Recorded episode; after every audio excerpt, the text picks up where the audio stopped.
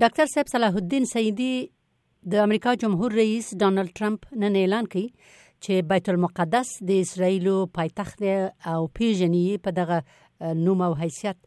نو تاسو ته خو معلومه ده چې نړیوال ټولنې د ډیر وخت رئیس دا خبره کړې ده چې دا یوازې د اسرایل ملکیت نه دی بلکې عیسویانو ته مسلمانانو ته او يهودانو ته ټولو ته مقدسه سیمه ده او خاور ده نو باید دا د ټولو ګډه سیمه وي نو دا چې د دوی پایتخت شو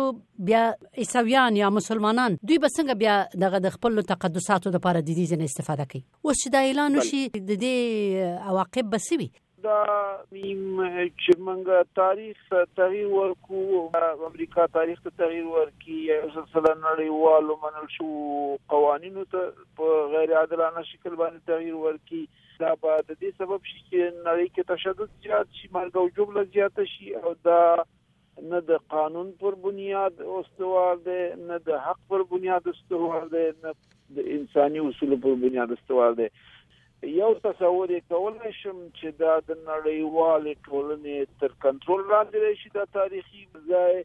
او نړیواله ټولنه او ملل متحد تر کنټرول لاندې ونیسي دا کېدای شي یو یو الټرناتیو وسی سمانه معنا دا ده چې دا د ملل متحد تر کنټرول لاندې راشي د هیڅ دین او کتلې پورې تعلق ونه لري بلکې د همغه تاریخي بنیاد پر اساس باندې چې دا هم د مسیحیانو آثار پکې شته دي او د عبادت ځایونه پکې شته دي هم د مسلمانانو هم د مسیحیانو او هم د یهودانو دا د یو بین المللي کنټرول لاندې په داسې شکل باندې تنظیم شي چې دوی تمام وکړي شي خپل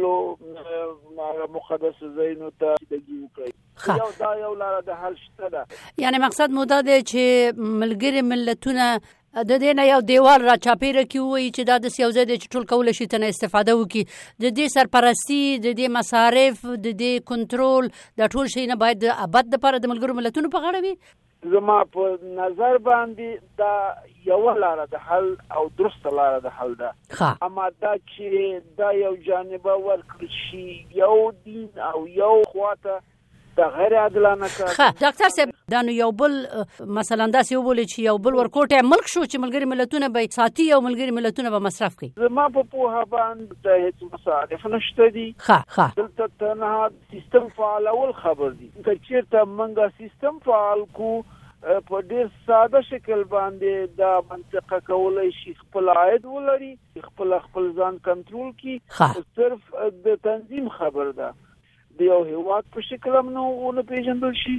او هغه قوانینو تر حاکمیت لاندې چې هغلته تمام جوانب ورته د سیستم کې باید څوک وي په دې سیستم کې د درې وړو ادیانو کسان باید وي په سیستم کې خو به هم جنجال پیښ شي چې یو دین خلک به وایي چې منګه پکې نه یو بل به وایي منګه پکې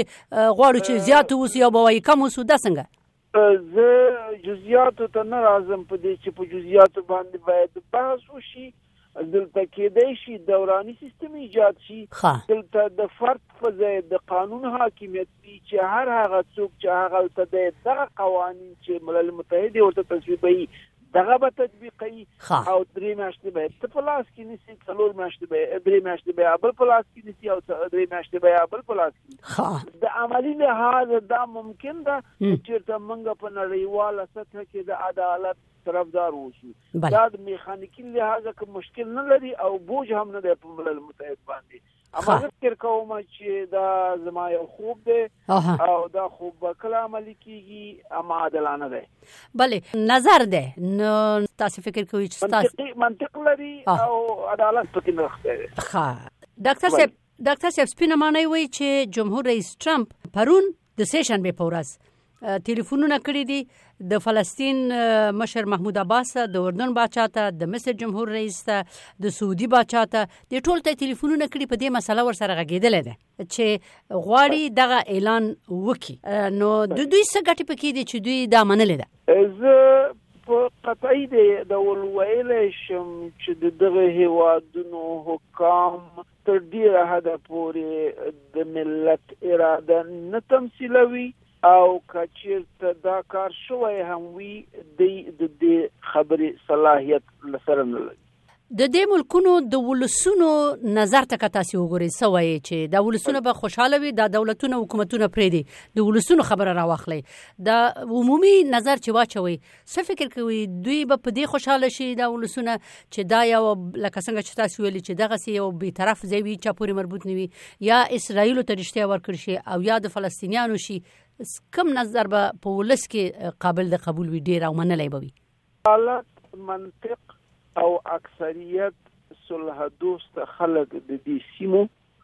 د اسرائیلو په شمول باندې زما په پوهه باندې په هغه لارې باندې اعتقاد او باور لري چې هغه عدالت ته نږدې وي اسرائیل او د فلسطین خلک دواړه حق لري چې په سوله کې خپل ځواني تیر کړي نه د ټوپک سره اما واقعیتونه دا دي هغه حکومتونه چې په دې هوادو کې مسلط دي د هغه جملې څخه د اسرائیل حاکمیت د هغه ډلو پورې تعلق لري چې هغه اکستریمیست او په تر ډېره حده پورې افراطي دي. دا چې ملت څه غواړي او حاکمیتونه څه غواړي، په تأسف او تأثر سره په دغه هېوادو کې سره دوه جدا قطبونه دي او یا تر ډیره حده پورې د ملت اواز نه منعکسوي د انسانیت اواز نه منعکسيږي په دې هوادو کې اکثره حکام د دې مناطقو